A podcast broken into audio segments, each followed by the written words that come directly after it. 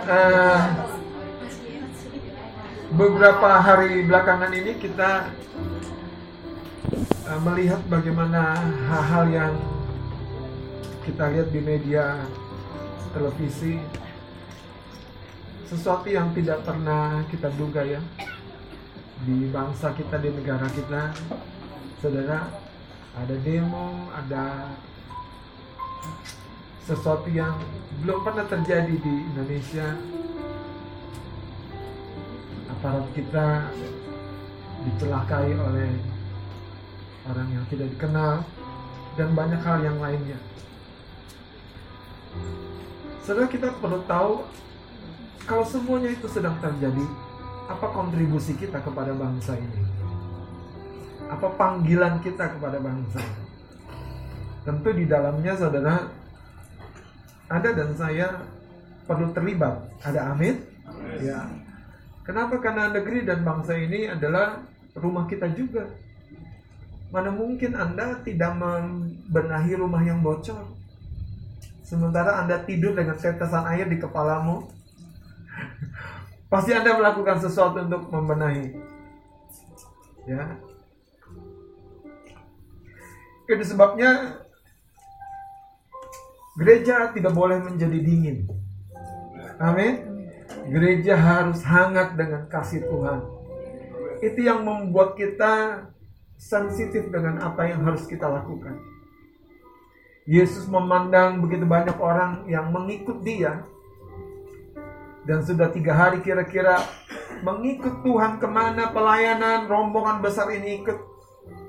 Bahkan cerita itu ada 5000 jiwa kira-kira bersama dengan Tuhan di tempat di mana tidak ada tempat untuk membeli makanan.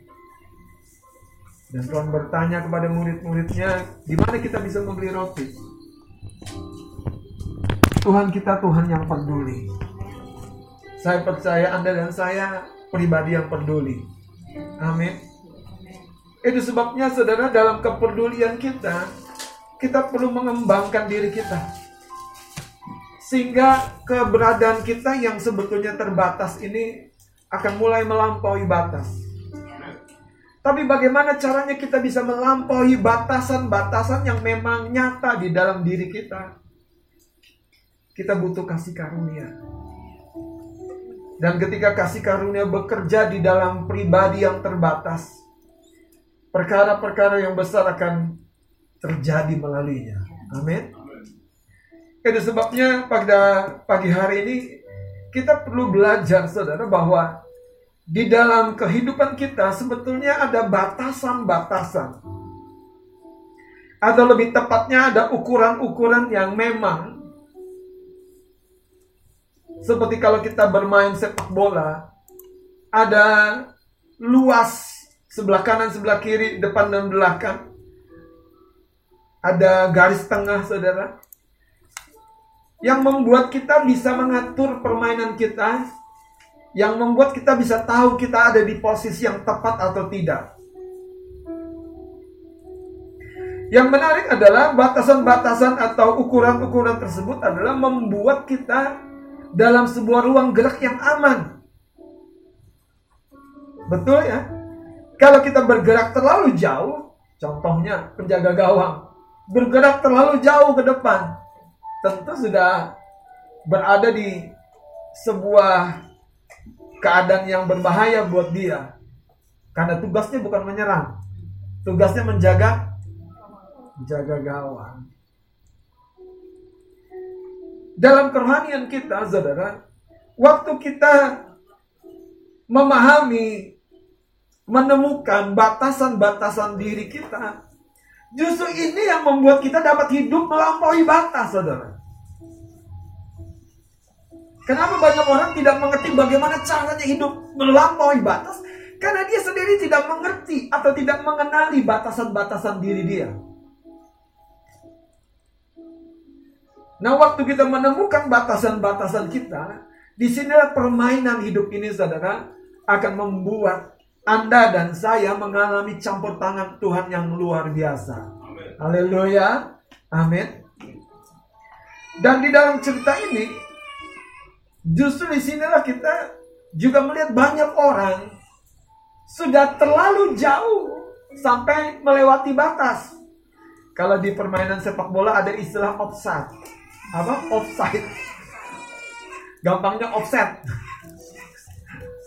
Itu artinya apa? Dia sudah berada di satu posisi posisi yang mati. Udah nggak bisa bergerak lagi. Nggak boleh bereaksi lagi. Jadi kalau boleh bola datang kepada dia, dia ambil bola itu, dia di print. Betul?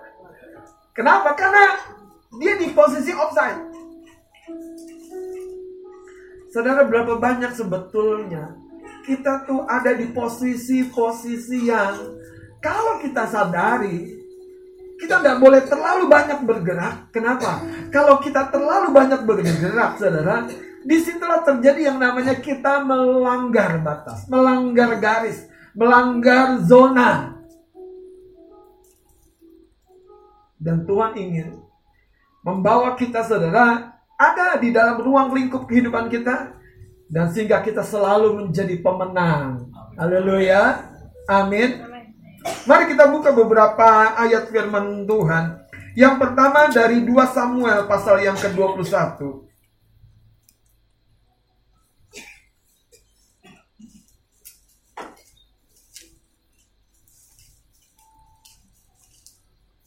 Ada ada sebuah cerita yang menurut saya menarik sekali, saudara. Karena Daud adalah tokoh yang menjadi panutan. Betul? Daud adalah tokoh dan figur yang dapat diikuti dalam banyak perkara, banyak hal. Tetapi dalam cerita ini, dalam kegagahannya, Daud sudah memasuki satu zona yang namanya offside. Offset. Harusnya dia nggak boleh bergerak, saudara. Hampir saja musuh menewaskan dia.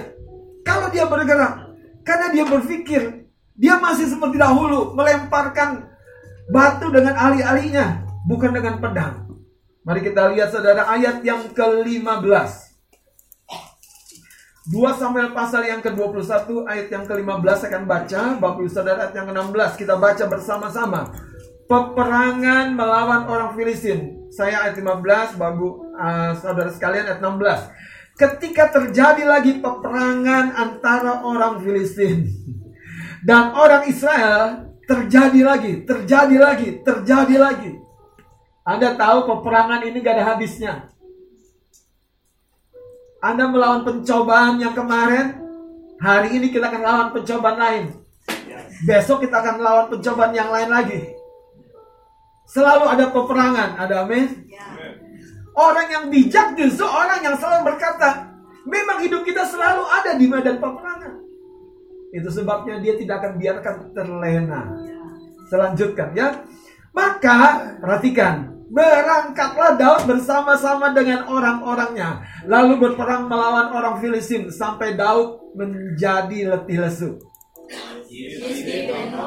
termasuk keturunan raksasa, berat tombaknya 300 shikal tembaga, dan ia menyandang pedang yang baru, menyangka dapat menewaskan Daud. Penulis Alkitab ini unik sekali. Menyangka dapat menewaskan Daud dia tambahkan penilaian situasinya. Lihat ayat 17. Tetapi Abisai anak Zeruya datang menolong Daud. Lalu merobohkan dan membunuh orang Filistin itu. Orang Filistin yang bagaimana? Lihat ayat 16. Yisbi Benob yang termasuk keturunan raksasa. Ayat 17 ya. Tetapi Abisai anak Zeruya datang menolong Daud Waktu saya membaca cerita Abisai, saudara, hati saya begitu tergetar. Gereja membutuhkan orang-orang yang dapat melihat, bertindak sekalipun tidak dikomando. Dengan tindakan yang tepat, dengan respon yang tepat. Gereja membutuhkan orang-orang dengan roh yang seperti ini, saudara. Yang dimiliki oleh Abisai, anak Zeruya. Daud tidak berkata tolong aku dalam cerita ini. Tetapi waktu Abisai melihat Daud sudah begitu letih, Abisai bangkit, saudara. Ini yang namanya roh anak, saudara. Dia tahu Daud tidak boleh dibiarkan. Saya baca. datang menolong Daud lalu merobohkan dan membunuh orang Filistin itu. Pada waktu itu orang-orang Daud memohon dengan sangat kepadanya kata mereka, Janganlah lagi engkau berperang bersama-sama dengan kami supaya keturunan Israel jangan punah bersama-sama engkau. Bapak Bu, silakan. Sesudah itu terjadi lagi pertempuran orang-orang Filistin. Terjadi lagi pertempuran. Terjadi lagi pertempuran. Kekasih-kekasih Tuhan, kita harus mengerti, saudara. Inilah keberadaan kita di dunia yang real ini. Selalu ada pertempuran. Anak-anak muda, kita akan menghadapi pertempuran demi pertempuran. Masih SD ada pertempurannya sendiri, SMP, SMA, begitu pula. Memasuki jenjang yang lain, ada pertempuran. Dan yang anehnya, lihat saudara, terjadi pertempuran melawan Filistin. Terus pada waktu itu orang memukul Kalasa yang termasuk keturunan Sasa. Kita lihat saudara, ternyata bukan hanya Abizai. Di kelompok ini mulai bangkit roh anak, hati anak.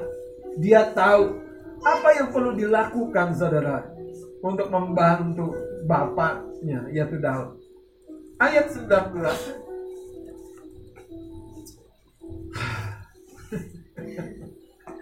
Coba lihat saudara 19. Dan terjadi pertempuran melawan orang Filistin. Jadi gak ada habisnya pertempuran kita. Ya. Haleluya. Habis gajian ada pertempuran. Menahan mata. Haleluya. Ya. Tanda tua ada ada pertempuran yang lain. Ya.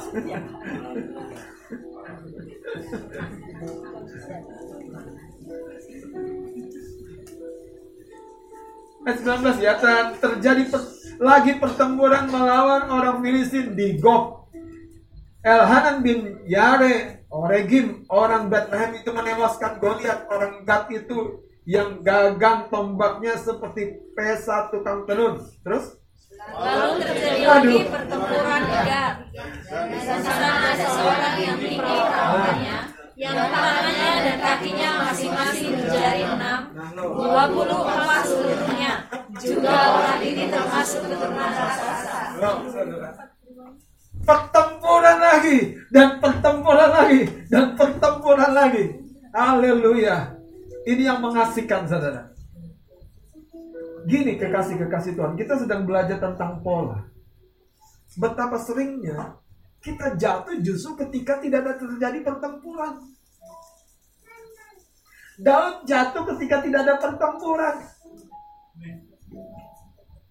Ini yang Tuhan mau sampaikan. Waktu kita tahu di rumah ada pertempuran, di jalan ada pertempuran, di situ saudara, hati kita saudara terus terus akan terus terhubung dengan Tuhan.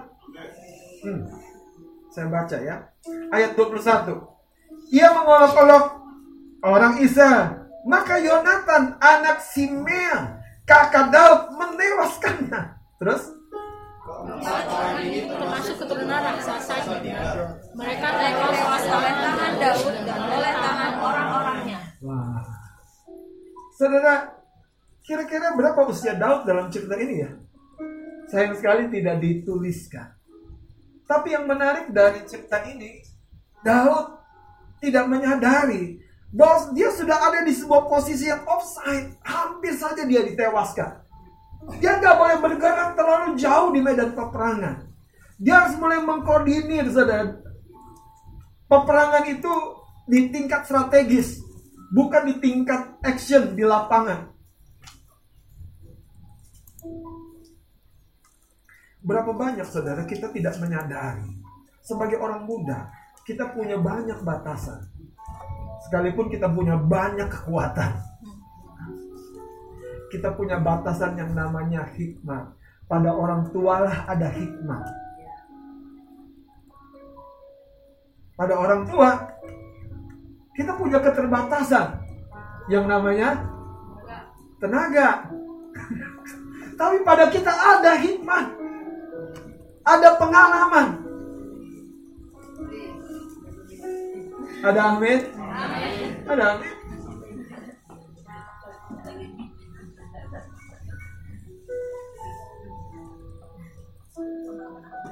Pada wanita kita punya banyak keterbatasan, betul ya? Saya, yang saya maksud kita itu Anda, bukan saya. kita punya banyak keterbatasan, saudara. Banyak sekali bahkan. Tetapi kita justru membutuhkan pria-pria. Ya.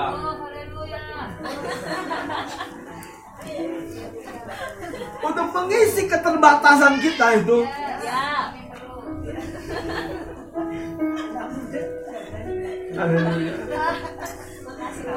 Pria-pria anak muda. Kita punya keterbatasan. Tapi justru di situlah kita, sekalipun pria, muda, ganteng pula, banyak duit pula.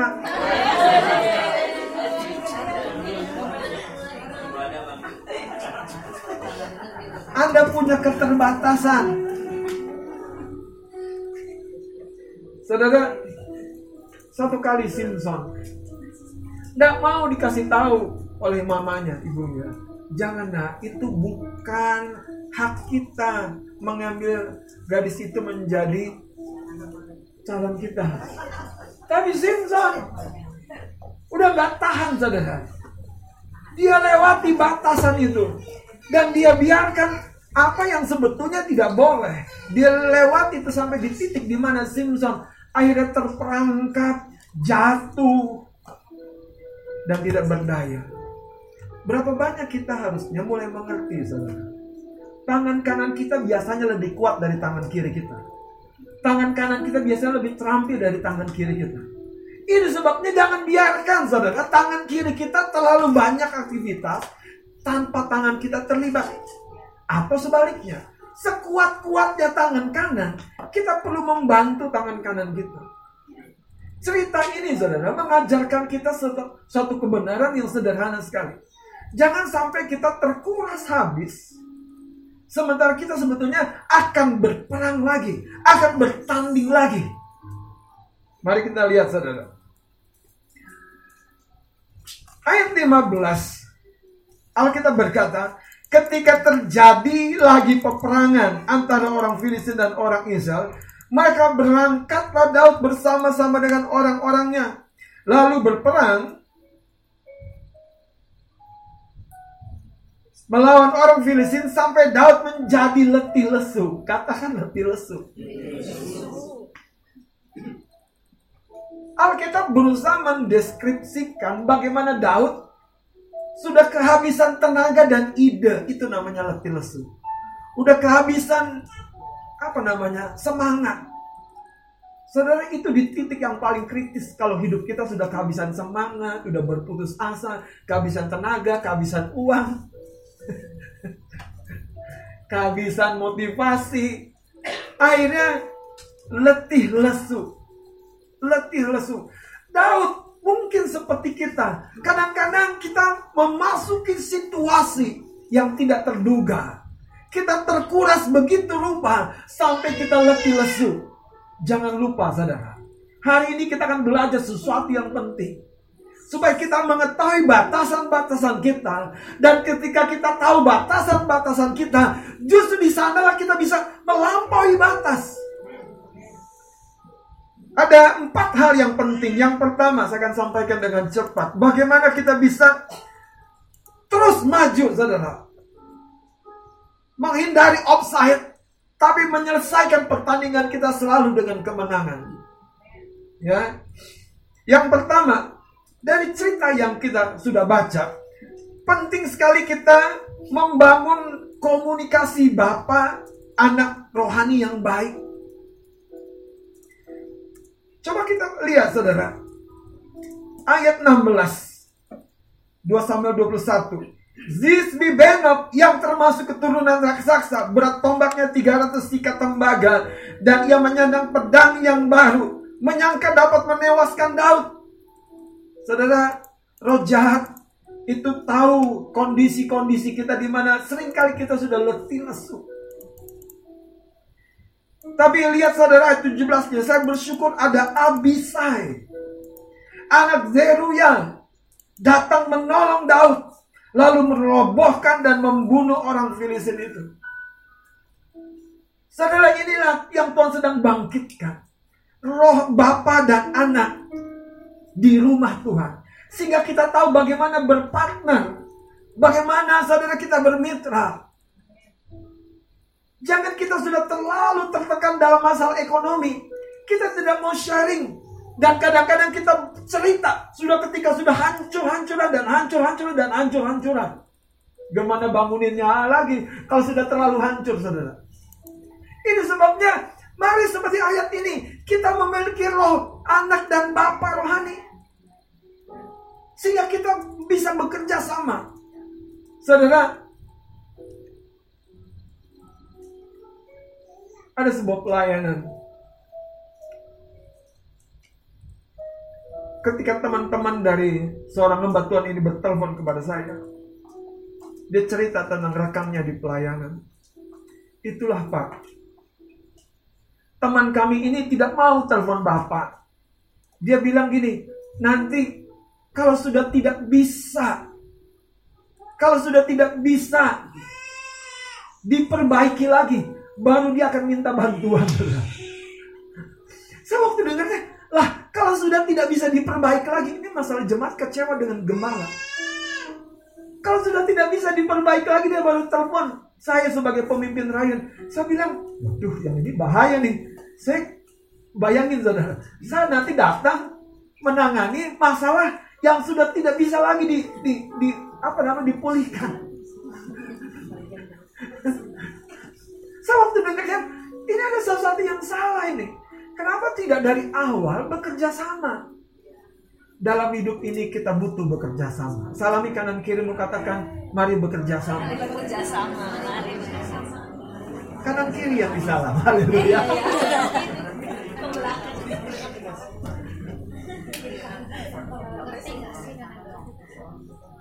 Jangan biarkan Anda bergerak terlalu semangat, terlalu aktif, akhirnya offside.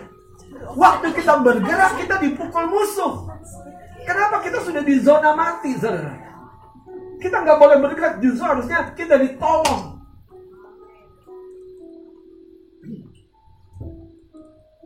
Ada beberapa orang masalahnya bukan seperti pelayanan yang saya ceritakan.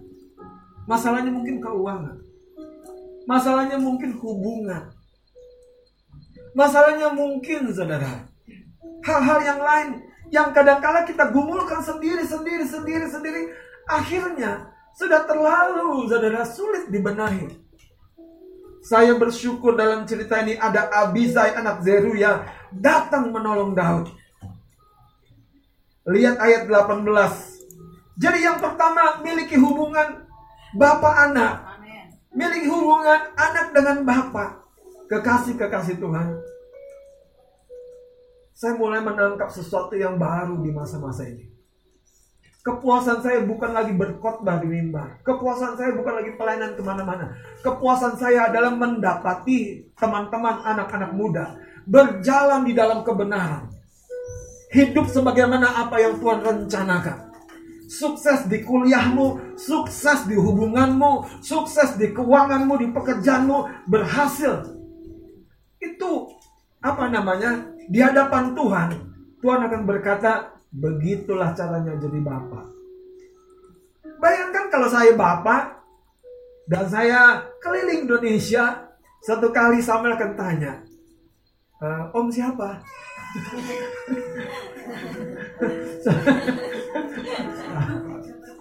Mas Adit lah. Keliling sedunia, bukan Indonesia lagi Mas Adit ya. Satu kali pulang si A tanya, Om siapa? Mau siapa? Saudara kira-kira.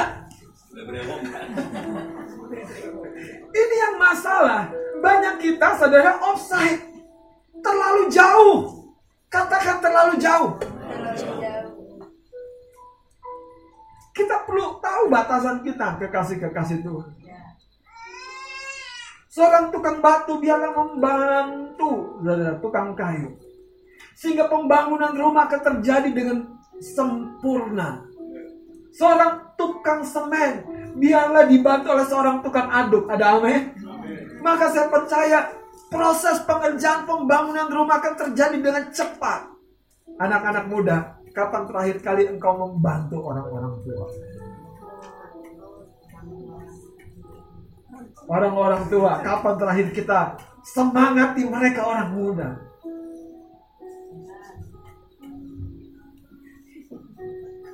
Saya kalau lagi lihat rekaman video yang istri saya suka rekam, cuplikan sih cuma satu menit. Kadang-kadang saya lihat opa-opa angkat tangan waktu menyembah. Sementara saya tidak lihat anak-anak muda mengangkat tangan waktu menyembah. Saya tuh juga. saya bilang, terima kasih untuk opa-opa yang menyemangati dengan sebuah keteladanan mengangkat tangan menyembah. Tepuk tangan buat opa-opa. Opa dan Oma.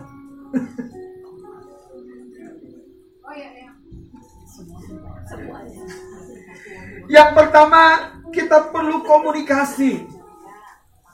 Ketika komunikasi hilang, tidak heran saudara, asumsi-asumsi akan muncul. Asumsi itu saudara bukan kebenaran. Makanya asumsi itu butuh klarifikasi. Benar nggak maksud kamu begini? Maksud aku begini. Kadang konflik di rumah tangga apa? Maksud-maksud tuh nggak ketemu di tengah. Maksudku begini. Anda beli, pernah beli pesan sesuatu? Ya. Saya lah. Beli gado-gado. Saya pesen. Nggak pakai lontong. Jangan terlalu pedes. Nah, jangan terlalu pedes itu berapa, saudara? Itulah yang namanya asumsi. Terus kalau dikasih cabenya dua dan cabenya juga cabai Jepang saudara, yang setengah potong aja udah pedes banget. Terus apa yang terjadi? Saya akan bilang, kan saya pesan tidak terlalu pedas.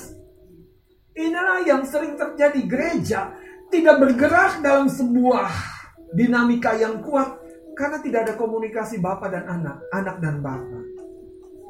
Saya berdoa hari ini tidak ada yang ragu WA saya, Om, Bang, tolong aku ya. Ada waktu nggak? Selalu ada waktu. Ada amin, ya. Oke, sih tahu. Tayangnya nanti di sini.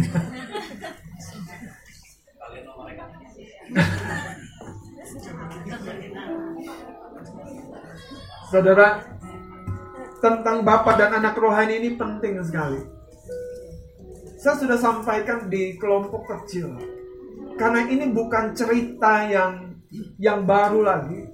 Saya mau cerita apa adanya. Marty Simpson, Anda tahu? Pencipta lagu di sebuah gereja besar di Hillsong, saudara. Yang menciptakan lagu King of Majesty. Itu salah satunya. Dia seorang yang dipakai Tuhan, saudara. Bukan yang pencipta lagu, penyanyi. Hamba Tuhan. 2019 ini nggak tahu bulan apa bulan Juli mungkin menyatakan sudah meninggalkan imannya dari Tuhan.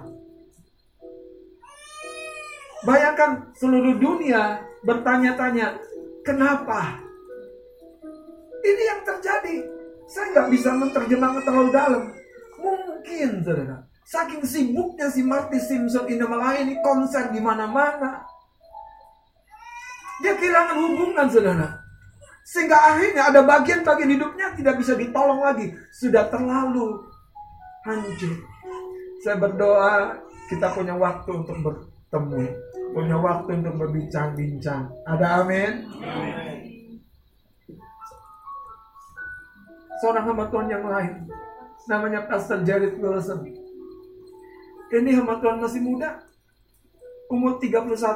Menikah dan punya dua orang anak yang masih kecil membuka pelayanan konseling saudara untuk orang-orang anak-anak Tuhan yang stres, depresi dan tertekan hidupnya.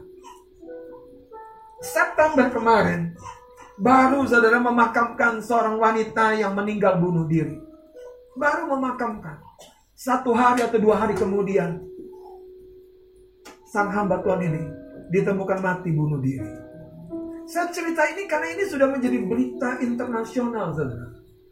Kenapa saya ceritakan ini seperti Alkitab? Ini biarlah menjadi sebuah peringatan buat kita. Pelayanan bukan indikator Anda sehat rohani. Bukan. Bukan. Pelayanan tidak boleh bahkan menjadi indikator. Bahkan melayani jiwa-jiwa bukan indikator kita sehat secara rohani. Tapi hubungan yang benar. Hubungan yang benar. Hubungan yang membuat kita terbuka dan dapat ditolong. Daud sudah mempercayai dirinya terlalu tinggi dalam kesenioran usianya. Dia berpikir dia masih bisa bertarung seperti pada waktu itu. Tapi sayangnya saudara dia sudah tiba di batas geraknya. Dia offside. Harusnya dia tahu. Itu sebabnya hari ini kekasih-kekasih Tuhan. Kita harus mengerti pelayanan bukan tolak ukur. Kesibukan bukan tolak ukur. Bagaimana kita bisa melewati saudara batasan-batasan dan tidak terjebak dalam offside. Lihat, yang kedua, bergeraklah sebagai tim. Kembali kepada cerita ini.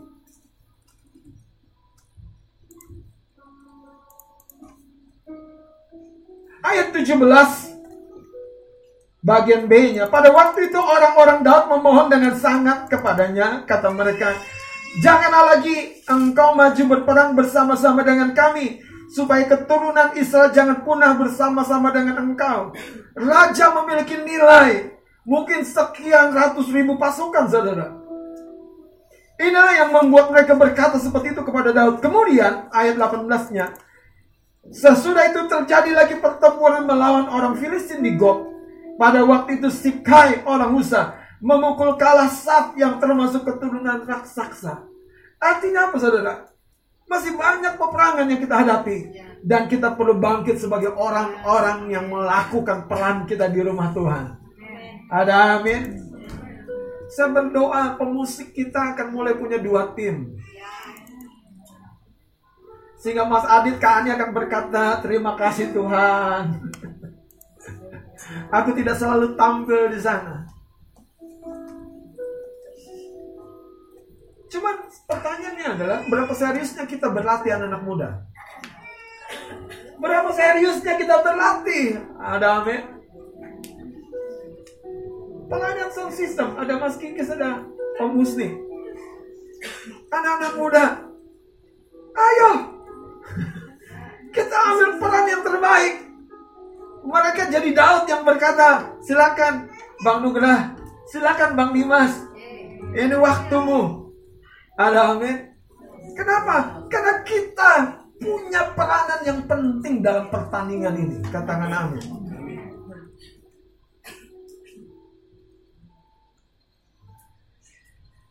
Saya bersyukur kalau masih ada Pak Jumadi. Anda tahu usianya berapa? Sudah golongan usia emas. Tetapi dia masih berperang dan bertanding, saudara. Mari kita juga terlibat. Makanya saya terima kasih banget ada Bang Juanda, Bang Jibi, dan lainnya teman-teman Bang David dan semuanya yang mau terlibat kalau hari Sabtu mempersiapkan ruangan gereja. Saudara kita bersatu padu jadi satu tim. Katakan satu tim. Kemuliaan hanya bagi Tuhan. Amin. Kemuliaan hanya bagi Tuhan selama-lamanya. Bayangkan Kasari. Mungkin Kasari nggak berkata begini. Bang, aku mau pensiun. Gak berkata begitu. Tapi saya rindu ada anak-anak muda yang berdiri di panggung ini sebagai WLWL. Bukan berarti Kasari sudah apa namanya offside. Bukan. Tapi kita tahu saudara kita harus bangkit. Ada amin. Ada bangkit. Saya tadi membayangkan Mas Adi harusnya main gitar sambil berdiri, ada tali gitarnya, gayanya itu berbeda. Tapi mungkin saudara dia berkata, aduh Tuhan, perutku udah nggak bisa. Udah offside.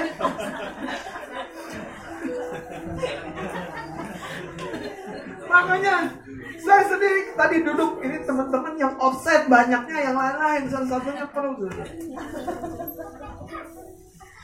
Kancing udah nggak ini udah nggak mampu lagi nahan, udah offside. Katakan berperanlah sebagai tim, bergeraklah sebagai tim, berperanglah sebagai tim, bertandinglah sebagai tim.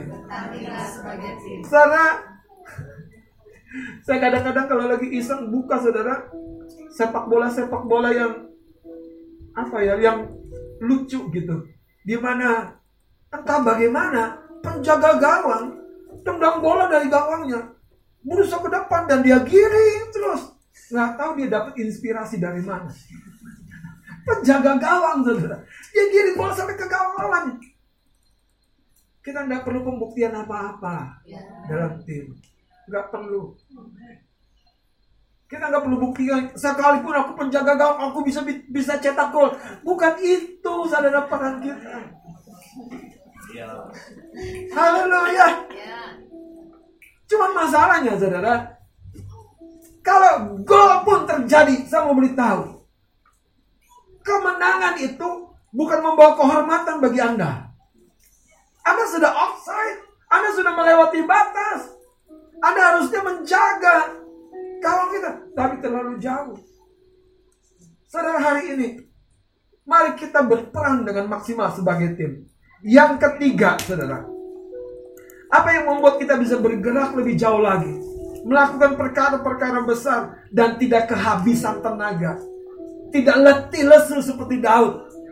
Yang ketiga, kita perlu perbesar kapasitas diri. Kita perbesar kapasitas diri.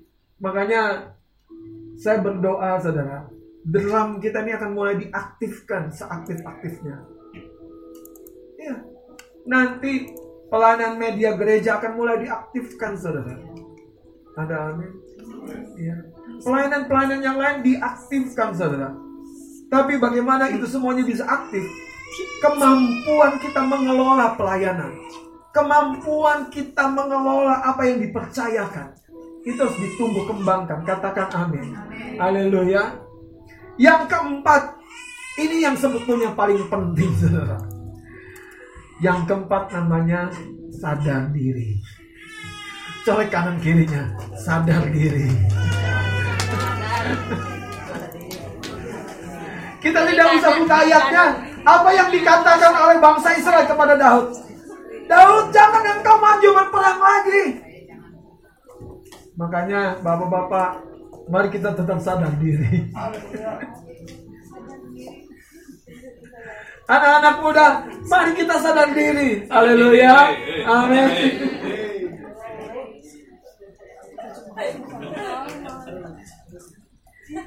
Saya berdoa hari ini Tuhan sedang menyampaikan peringatan-peringatan yang penting untuk kita. Perhatikan batasan-batasan hidup kita. Saudara kita buka beberapa ayat dengan cepat. 1 Korintus 10 ayat 11 dan 12.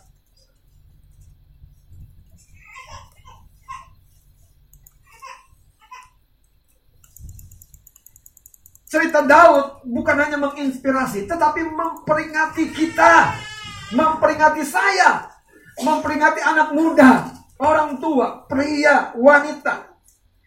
Saudara lihat 1 Korintus 10 ayat 11 dan 12. Mari kita baca sama-sama. 2 3. Semuanya ini telah menimpa mereka sebagai contoh dan dituliskan untuk menjadi peringatan bagi kita yang hidup pada waktu di mana zaman akhir telah tiba. Sebab itu siapa yang menentang bahwa ia teguh berdiri, hati-hatilah supaya ia jangan jatuh. Saudara kita perlu mawas diri, sadar diri. Kita tahu batasan kekuatan kita. Makanya Alkitab berkata semuanya telah dicatat untuk menjadi peringatan. Saya senang beberapa alat elektronik yang dibuat itu bisa berkomunikasi, saudara. Contohnya, saya punya speaker Bluetooth. Kalau baterainya sudah hampir habis, dia akan ngomong, the battery is low bed, recharge. Tapi sayangnya, kita tidak menanggapi respon manusia roh kita yang sudah begitu low bed. Kita masih berperang, bertempur begitu rupa, dan kita pikir kita akan menang. Saudara kita perlu peringatan ini untuk merecharge kembali. Memulihkan, menguatkan kembali. Bayangkanlah saudara, setiap alat-alat elektronik ketika kita biarkan baterainya terlalu lobet, yang pertama bisa terjadi alat-alat listrik, alat elektronik tersebut akan apa? Error. Kekasih-kekasih Tuhan. Bukankah kalau baterai rohani kita sudah lobet, kita yang roh ini bisa kuat lagi secara daging. Kita yang sudah diubahkan ini bisa bangkit lagi manusia lamanya. Kita yang sudah bertobat ini bisa muncul lagi saudara hal-hal yang lama. Ini sebabnya hubungan bapak anak penting. Kita perlu ditolong, dibangkitkan, diselaras. Yang kedua, kalau alat-alat elektronik ini sudah kehabisan lowbat, sudah kehabisan baterai. Yang kedua bisa terjadi alat-alat ini seperti handphone kita jadi hang. Seperti laptop kita jadi hang. Programnya tidak bekerja.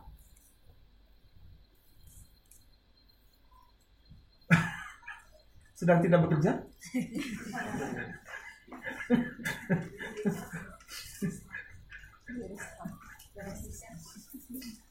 perlu diriset. Tapi sebelum diriset perlu baterai juga. Saudara, saya sedang sampaikan yang penting. Yang ketiga, ketika error, saudara, ini akan merusak lebih dalam lagi. Ini yang terjadi dengan Pastor Jared Wilson. Usia 31 tahun, pelayanan konseling orang stres setelah menguburkan wanita yang mati bunuh diri. Nggak, saya tidak baca berapa hari kemudian dia meninggal ditemukan mati bunuh diri. Saya berdoa baca saudara di media elektronik ini benar. Udah diklarifikasi oleh keluarganya, oleh gerejanya. Kenapa saya beritakan ini bukan untuk mempermalukan. Saya beritakan di rumah Tuhan untuk kita bangkit dan sadar. Semua kita menjadi target musuh. Selalu ada peperangan lagi, peperangan lagi, dan peperangan lagi. Haleluya. Haleluya.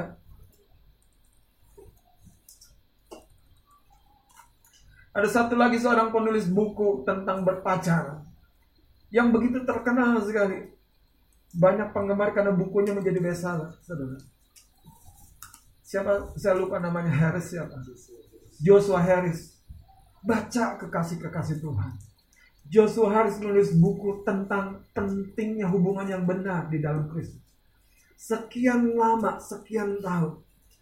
2019 ini dia menyatakan dia telah meninggalkan imannya kepada Kristus. Dulu dia membuat statement, Aku menentang yang namanya LGBT. Tapi setelah dia meninggalkan imannya, dia berkata, aku menyesal dulu menentang LGBT. Dan kabar terakhirnya, bagaimana dia meninggalkan iman, dia telah berpisah pula dengan istrinya. Kekasih-kekasih Tuhan saya berdoa ini tidak terjadi. Tapi bagaimana bisa terjadi orang-orang yang dipakai Tuhan? Kita tidak tahu. Kita sudah offside, sudah terlalu lobet. Kita butuh sabat bagi diri kita. Dipulihkan, disegarkan.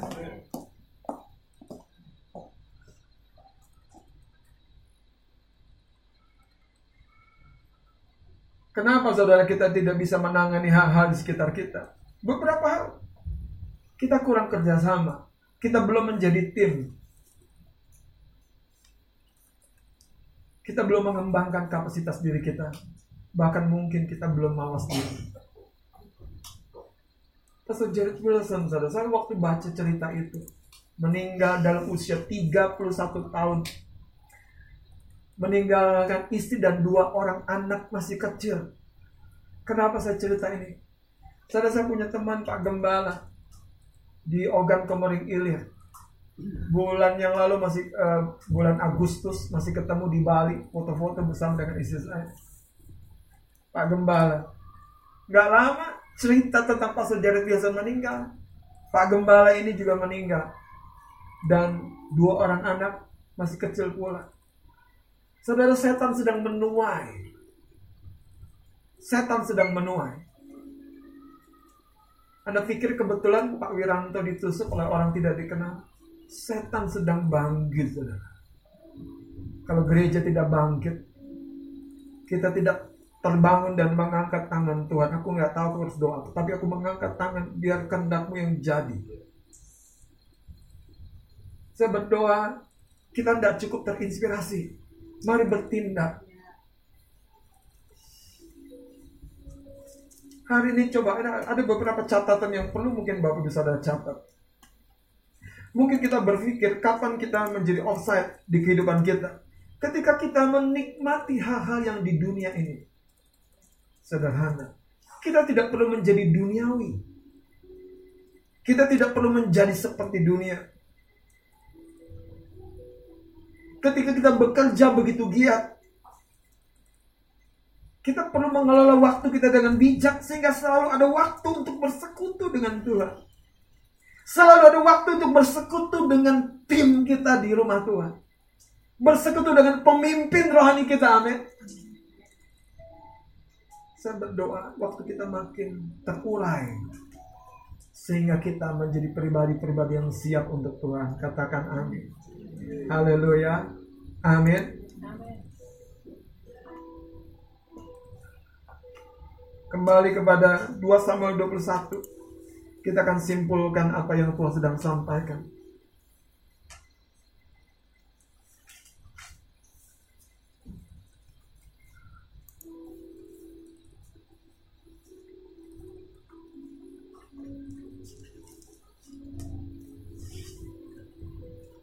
Ayat yang ke-15 dan ke-16 saya akan baca ketika terjadi lagi peperangan antara orang Filistin dan orang Israel, maka berangkatlah Daud bersama-sama dengan orang-orangnya, lalu berperang melawan orang Filistin sampai Daud menjadi lebih lesu. Benob yang termasuk keturunan raksasa berat tombaknya 300 sikal tembaga dan ia menyandang pedang yang baru menyangka dapat menewaskan Daud. Ayat 17 tetapi Abisai anak Zeruya datang. Abisai anak Zeruya kalimatnya bagus. Datang menolong. Datang menolong. Artinya Daud tidak meninggalkan medan peperangan. Daud masih ada di sana. Tapi ada Abisai. Mari kita bangkit berdiri. Kekasih-kekasih Tuhan